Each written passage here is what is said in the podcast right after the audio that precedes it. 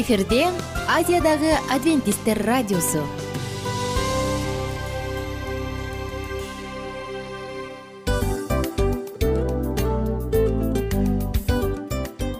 Достор салют. Баардык сүйүктүү угармандарыбызга салам айтабыз. Кутман күнүңүздөр менен.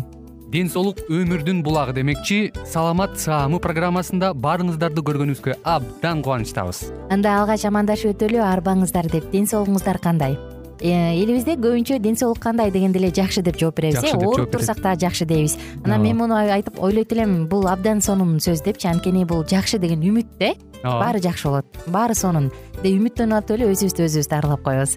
Анысы кандай сиздин дагы ден соолугуңуз жакшы беш деген үмүттөбүз чындыгында ден соолук бул өмүрдүн булагы деп бекеринен айтылган эмес деп ойлойм. Кыргыз элинде анткени эгерде ден соолук жок болсо анда адамдын жашоосунда калган баардык керектүү маңыздуу нерселер өзүнүн баалуулугун жоготуп коет. Ошондуктан ден соолук бул эң керектүү нерсе. Ооба туура айтасың кесиптешим. Чынында ден соолугуң жок бир эки үч күн ооруп калсаң эле э кандай болуп калат? Жашоодо көз каранды болуп каласың көп нерсеге жетишпей каласың көп нерсени кыла албай каласың жада калса эшикке дүкөнгө да чыга албай каласың. Туптуура анан ден соолук болсо демек биз биздин бактыбыз тотой деп койсок болот.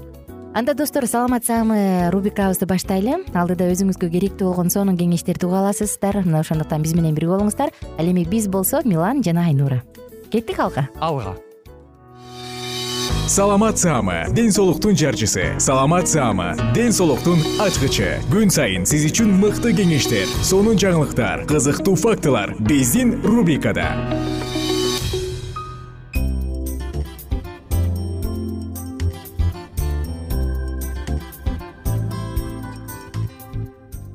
Саламатсыздарбы биздин кадырлуу замандаштар жана сүйүктүү угармандар. Сиздер менен бирге саламат саама рубрикасындабыз. Жана бүгүнкү тема простатиттин рак оорусун алдын алуу. Простатиттин рак оорусун профилактикалоо деп аталат. Угуп жатканыңыз саламат саамы жана сиздер менен бирге ден соолуктун камын көрүүчү саламаттуу дене цикли андан ары уланат.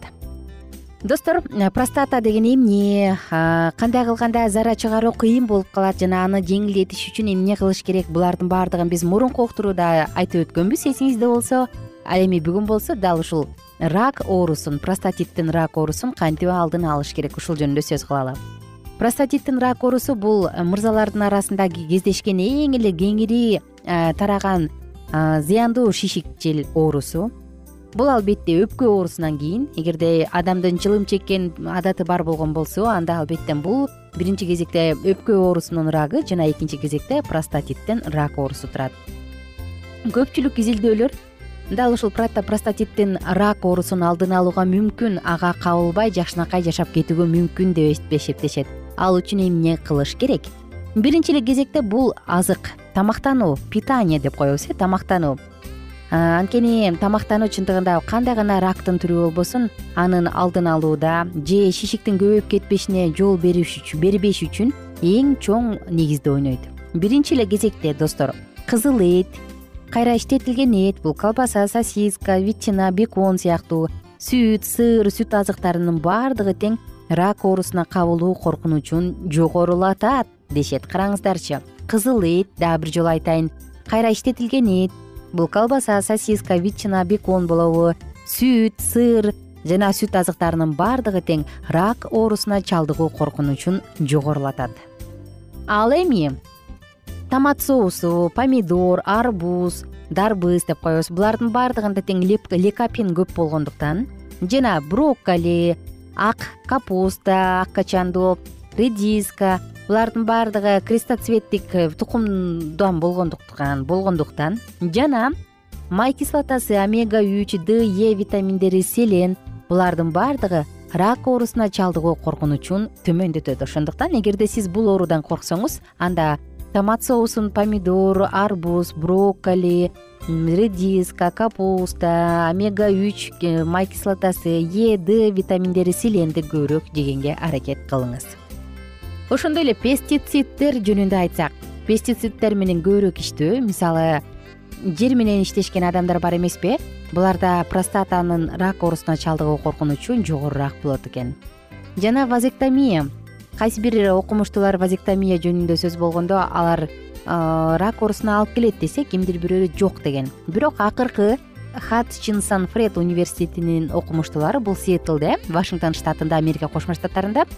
Ал жактын окумуштуулары акырында вазиктомия менен рак оорусунун же простатанын рак оорусунун эч кандай байланышы жок деп эсептешкен эми достор андан ары уланталы саатыбызды.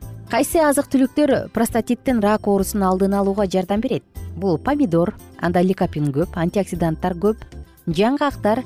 Жаңгактардын баардыгы тең организмди поли жар камсызданылбаган же жарым камсызданылган май кислоталары менен азыктандыргандыктан ошондой эле е витамини цинк менен азыктандыргандыктан булардын баардыгы простатиттин рак оорусун алдын алууга жардам берет. Жаңгактар жөнүндө сөз болду кийинки кезекте ашкабактын семечкасы бул дагы простатиттин рак оорусун сезгенүүсүн алдын алат жана зарак чыгарууда жеңилдик берет. Жана соя. Сояда дагы изофлавондор абдан көп болгондуктан бул дагы эң сонун зат эң сонун азык. Ошондой эле достор адамдын бел жагын жылытуу мисалы душка түшүп атканда душка туруп алып ысык суу менен дал ушул жыныстык орган жакты табарсак жакты баардыгын тең ысык суу менен мындай ичке сууну чачыратып агыза турган болсок мындай жылытуу дагы рак оорусун алдын алганга жардам берет. Жана өмүрдүн ваннасы деп аталган ваннанын бир түрү. Бул ванна үчүн адам чоң тазикке ысык сууну толтуруп алып олтурушу керек. Олтургандан кийин бул албетте адамга жардам берет. Мурунку уктурубузда эсиңизде бар болсо айтып өткөнбүз э кандай кылганда простатит оорусун алдын алса болот дегенде табигый каражаттар жөнүндө сөз кылганда ваннаны айтканбыз. Дал ушул өмүр ваннасы дагы жакшы. Эми достор биз андан ары уланталы уэйн университетинин окумуштуулары детройтта бул америка кошмо штаттарынын мичиган штатында. Ал жакта окумуштуулар ликопин менен изофлавондордун көп колдонуу рактын простатиттин рак оорусун алдын алат жана эң эффективдүү деп эсептешкен. Ошондуктан күнүнө он беш грамм ликопен жана кырк грамм изофлафон боло турган болсо анда булардын баардыгын тең ушундай шишиктин залалдуу шишиктин өсүшүн токтотот деген изилдөөнүн жыйынтыгына келишкен. Ошондуктан достор күнүнө эгерде сиз он беш грамм натуралдык же табигый ликопин алгыңыз келсе анда күнүнө алты жүз грамм помидор жериңиз. Эки үч чоң помидор. Жана кырк миллиграмм табигый изофлавондорду жеңиз бул жүз элүү грамм тофу же бир жарым литр соя сүтүнүн курамында бар. Мына достор ушундай ушул азыктарды колдонуу менен сиз өзүңүздүн саламаттыгыңызга кам көрө аласыз жана албетте узак жашай аласыз. Простатит бул эркектердин жумуртка безинин сезгенүүсү андагы шишик көп кездешүүчү урологиялык оору жыйырмадан элүү жаштагы эркектерде көп болот. Ошентсе дагы элүү жаштан өткөн эркектердин арасында дагы простатиттен жабыртаткандар көп. Ошондуктан колдон келишинче мунун баардыгын алдын алуу зарыл. Простатиттин өнүгүшүнүн негизги себеби инфекциялык оорулар мисалы гонорея хламидиоз микоплазма жана башка ушул сыяктуу оорулар. Булардын баардыгын алдын алыш үчүн көбүрөөк кыймылдаңыз машина менен көп жүргөндөн көрө басыңыз колдон келишинче сергек жашоо образы менен жашаганга аракет кылыңыз.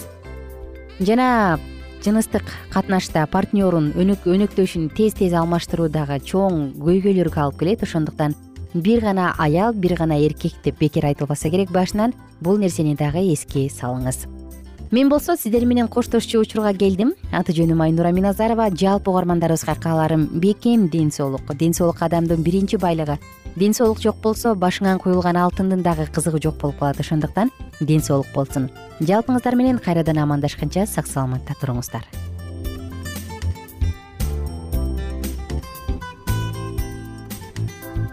Кененирээк маалыматтар үчүн үч w чекит саламат чекит клуб сайтына келип таанышыңыздар. Жана андан тышкары социалдык тармактарда youtube facebook жана instagram баракчаларына катталыңыз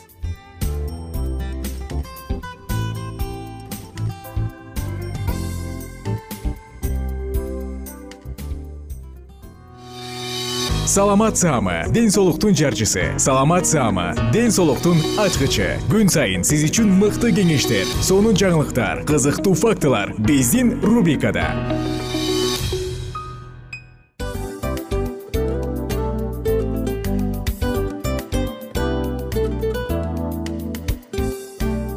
Салам достор.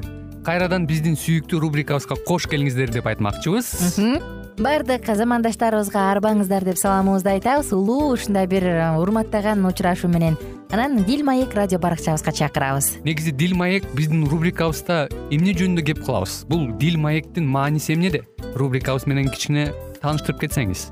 Сөзсүз түрдө тааныштыра кетейин кесиптешим суранычы боюнча бул учурда бул радио баракчада биз ар тарап кесип ээлеринен сонун кеңештерди алабыз сүйлөшөбүз сырдашабыз. Аталарыбыздын эжелерибиздин апаларыбыздын кеңештерин угабыз айтор. Жан дүйнөгө адамдын э, сапатына адамдын деги эле адам болуп жашашына керектүү баардык кеңештер алдыда. Негизи э, дил маек дегенде баягы эки адамдын ортосундагы сырдашуу кенен сүйлөшүү. Негизи эле биз адамдар бири бирибиз менен бир жерге жай жерге отуруп алып өзүнчө тынч э, жашоо жөнүндө өмүрүбүздө эмне болуп атканын бөлүшкөнү жакшы көрөбүз э адамдар. Ооба туура айтасың. Анан мындай учурга кээде убакыт да жетпей келет э. Же болбосо сырыңды кайгыңды муңуңду кубанычыңды айткың келет а адамга ишенбешиң мүмкүн. Ооба. А бул радио баракча угармандарыбыздын чыныгы досу. Анткени бизден алган кеңеш сиздин жашооңузга чоң жардам берет. Ал эми сиздин бизге айта турган сөзүңүз ортодо гана сыр бойдон калат. Ошондуктан биздин дил маек рубрикабызга дагы бир жолу кош келиңиздер жана биз даярдаган маалыматтарга даяр болуңуздар. Айнура жана милан сиздер менен бирге алдыга кеттик. Ар түрдүү ардактуу кесип ээлеринен алтын сөздөр жүрөк ачышкан сыр чачышкан сонун маек дил маек рубрикасында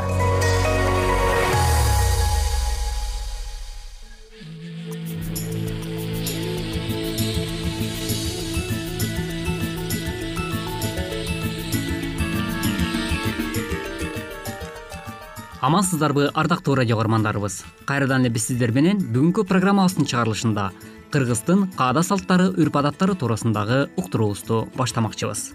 Бүгүнкү программабызда биз сөз кыла турчу тема бул бала төрөлгөндө деги эле бала төрөлгөндө кыргыз эли эзелтеден кандай каада салттарды башкача айтканда ырым жырымдарды колдонуп келишкен.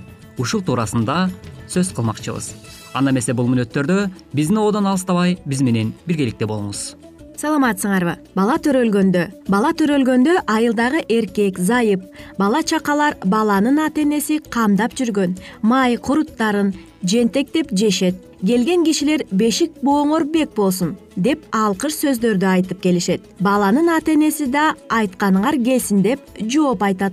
Ошондой эле кыргыз эли эзелтеден бала төрөлгөндө. Башкача айтканда наристе жарык дүйнөгө келгенде албетте сүйүнчү жөнөтүшкөн демек сүйүнчү туурасында кеп кылсак. Төрөлгөн бала эркек болсо атасы жана ага жакын дос туугандары сүйүнчү беришет. Баланын киндигин кескен зайып балага киндик эне болот келгендерге жентек берилет. Баланын кыркын чыгаруу эркек жана кыз бала төрөлгөндө кырк күн толгондо баланын энеси бүтүн айылды кыдырып кырк курак сурайт. Жыйнап келген майда чүпөрөктөрдөн курап көйнөк тигип тамак аш даярдап айылдагыларды чакырып даам берет. Муну баланын кыркын чыгаруу деп айтышкан. Ошондой эле баланын чачын алдыруу туурасында дагы сөз кылып өтсөк. Бала төрөлгөндөн кийин бир нече күндөрдөн кийин эркек жана кыз баланын чачтарын алдырууда бир жашка толоордо кыз баланын кулагын көзөтүүдө жакын досунун өзүнө зайыбына аш так жана буюмдарды алып барып чач алынып кулак көзөтүлөт. Анда да мал энчилеп берүү кийимдерди берүү адатта болгон. Ошондой эле эзелтеден кыргыз элибизде наристе жарык дүйнөгө келген соң анын ичинде баланы бешикке салуу тою дагы бар.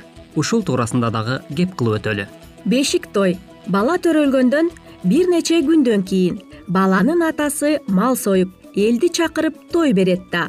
Бир аксакал кишиге алдына артыкча табак тартып колунан келсе чапан кийгизип ат мингизип балага ат койдурчу.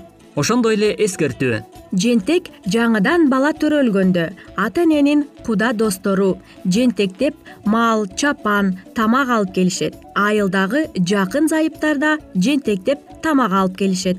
Баланы көрүүгө келгендер көрүндүк берип көрүшөт.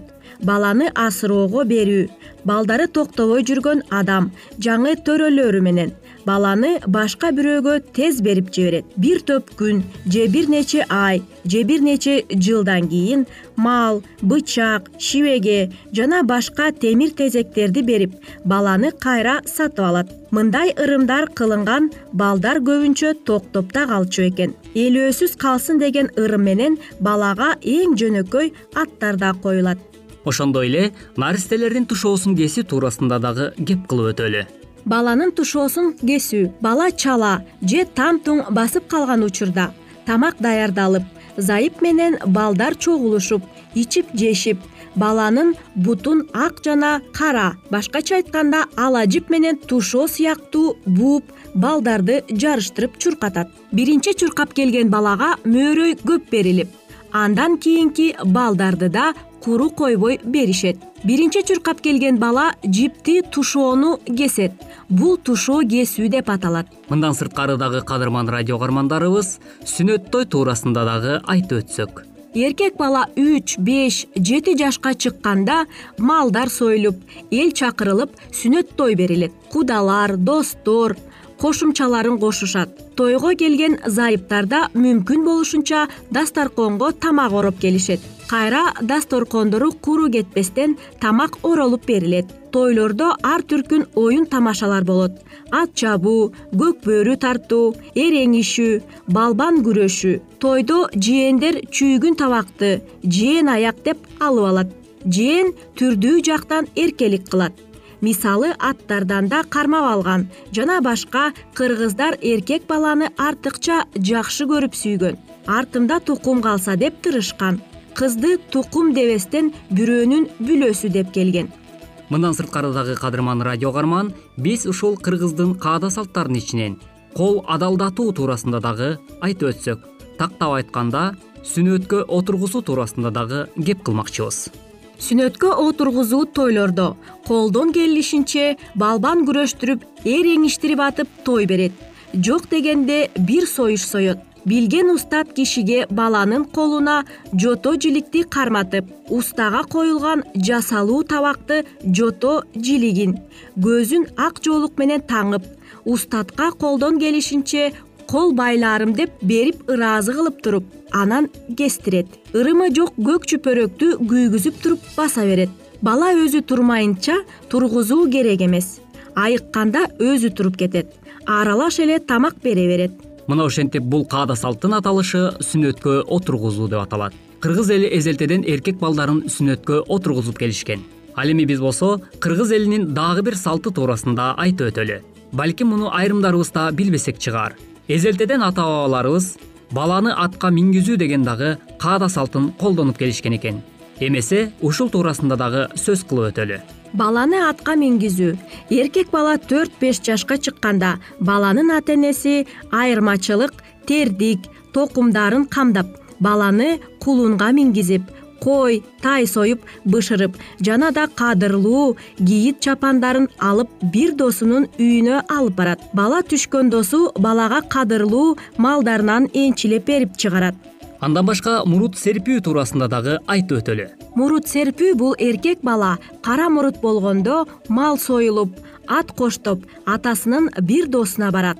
Ал досу да жигиттин мурутун серпип ат мингизип тон кийгизип сыйлап чыгарат. Мына ошентип кадырман радио каармандарыбыз бүгүнкү программабыздын чыгарылышында эзелтеден ата бабаларыбыз кыргыз элинде эркек уул туулганда мына ушундай каада салттарды колдонуу менен өз маданияттарын түптөп келишкен десек жаңылышпайбыз.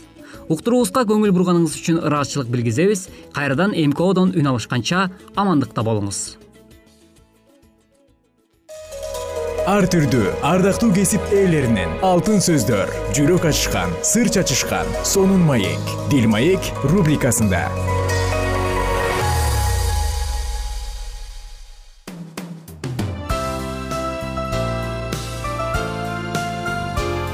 эфирде азиядагы адвентисттер радиосу.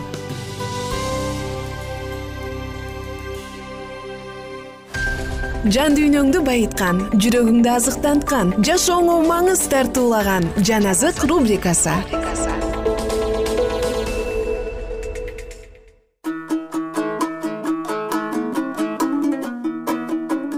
кутмандуу күнүңүздөр менен достор жалпыңыздар менен амандашып биз жан азык саатын баштадык. Жана бүгүнкү уктуруубузда марк жазган жакшы кабарды улантабыз. Марк жазган жакшы кабар тогузунчу бөлүм. Анан ал силерге чындыкты айтып коеюн бул жерде тургандардын кээ бирөөлөрү күч менен келген кудай падышачылыгын көрмөйүнчө өлүшпөйт деди. Алты күн өткөндөн кийин ыйса петир жакып жакан үчөөнү гана ээрчитип бийик тоого чыкты ошол жерде алардын көз алдында ыйсанын көрүнүшү өзгөрүлдү. Анын кийимдери жаркырап кардай аппак болуп калды. Жер бетиндеги эч бир кездеме агартуучу андай агарта албес эле. Анан аларга ильяс менен муса көрүндү. Алар ыйса менен сүйлөшүштү. Ошондо петир ыйсага устат бул жерде болгонубуз жакшы экен. Үч алачык тургузалы. Сага бирди мусага бирди ильяска бирди деди анткени ал эмне деп айтаарын билбей калды. Себеби аларды коркунуч баскан эле. Ошондо булут пайда болуп аларды каптап калды. Анан булут ичинен бул менин сүйүктүү уулум аны уккула деген үн чыкты. Ошол замат шакирттер эки жагын карап ыйсадан башка эч кимди көрүшкөн жок. Тоодон түшүп келе жатышканда ыйса аларга адам уулу өлүп кайра тирилгенге чейин бул көргөнүңөр жөнүндө эч кимге айтпагыла деп буйруду алар бул сөздөрдү көкүрөктөрүнө түйүп алышты да өз ара өлүп кайра тирилген эмнеси деп сүйлөшүштү.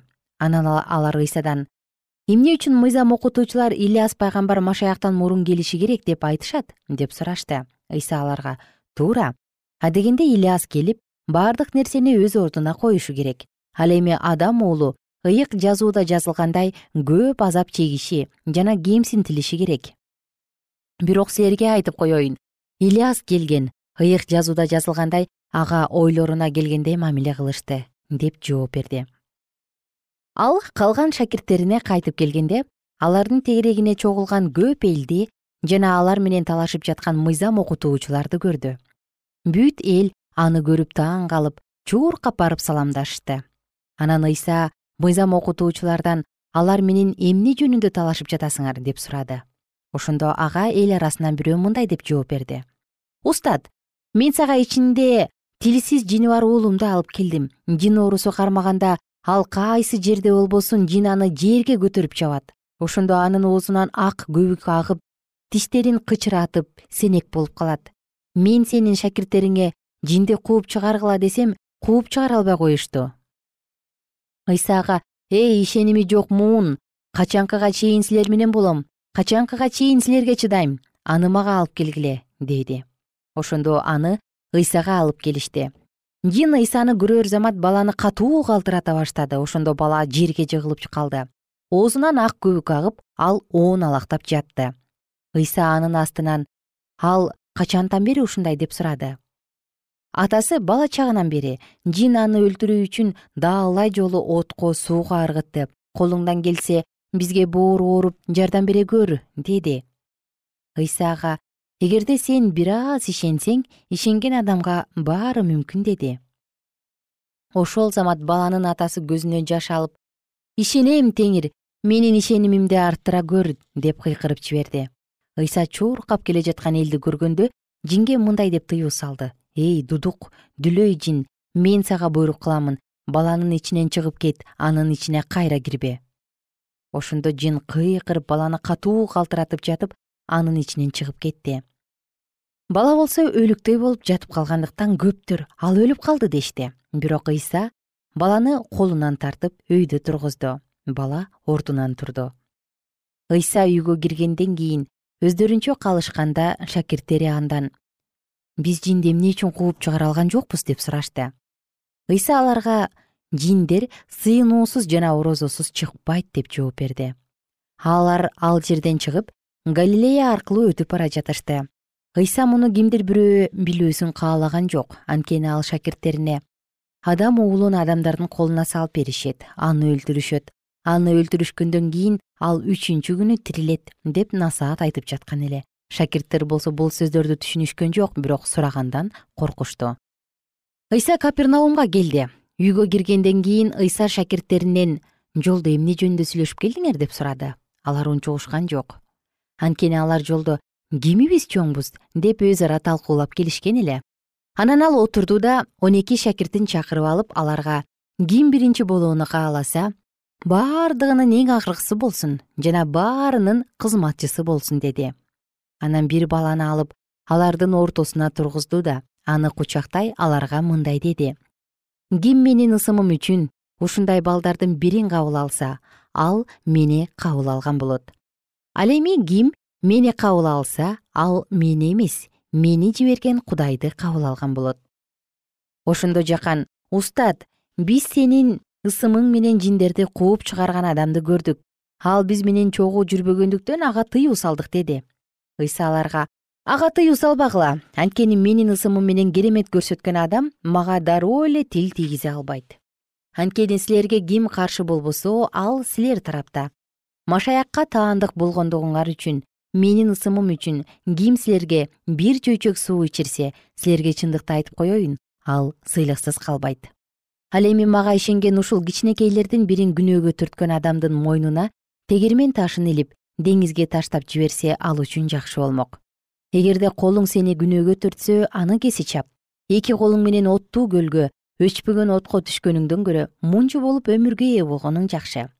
Ал жерде алардын курту өлбөйт от да өчпөйт. Эгерде бутуң сени күнөөгө түртсө аны кеси чап. Эки бутуң менен оттуу көлгө өчпөгөн отко түшкөнүңдөн көрө төкөр болуп өмүргө ээ болгонуң жакшы. Ал жерде алардын курту өлбөйт от да өчпөйт эгерде көзүң сени күнөөгө түртсө аны оюп сал. Эки көзүң менен оттуу көлгө түшкөнүңдөн көрө. Бир көзүң менен кудайдын падышачылыгына киргениң жакшы. Ал жерде алардын курту өлбөйт от да өчпөйт. Анткени бардыгы от менен туздалат ар бир курмандык туз менен туздалат. Туз жакшы нерсе бирок ал өзүнүн даамын жоготсо аны кайра кантип калыбына келтиресиңер. Ичиңерде туз болсун бири бириңер менен ынтымактуу болгула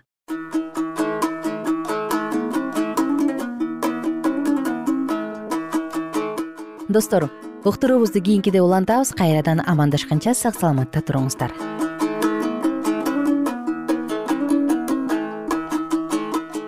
Эгер сиздерде суроолор болсо же көбүрөөк маалымат билем десеңиз анда биздин whatsapp номерибизге жазыңыз. Плюс бир үч жүз бир жети жүз алтымыш алтымыш жетимиш. Кайрадан плюс бир үч жүз бир жети жүз алтымыш алтымыш жетимиш.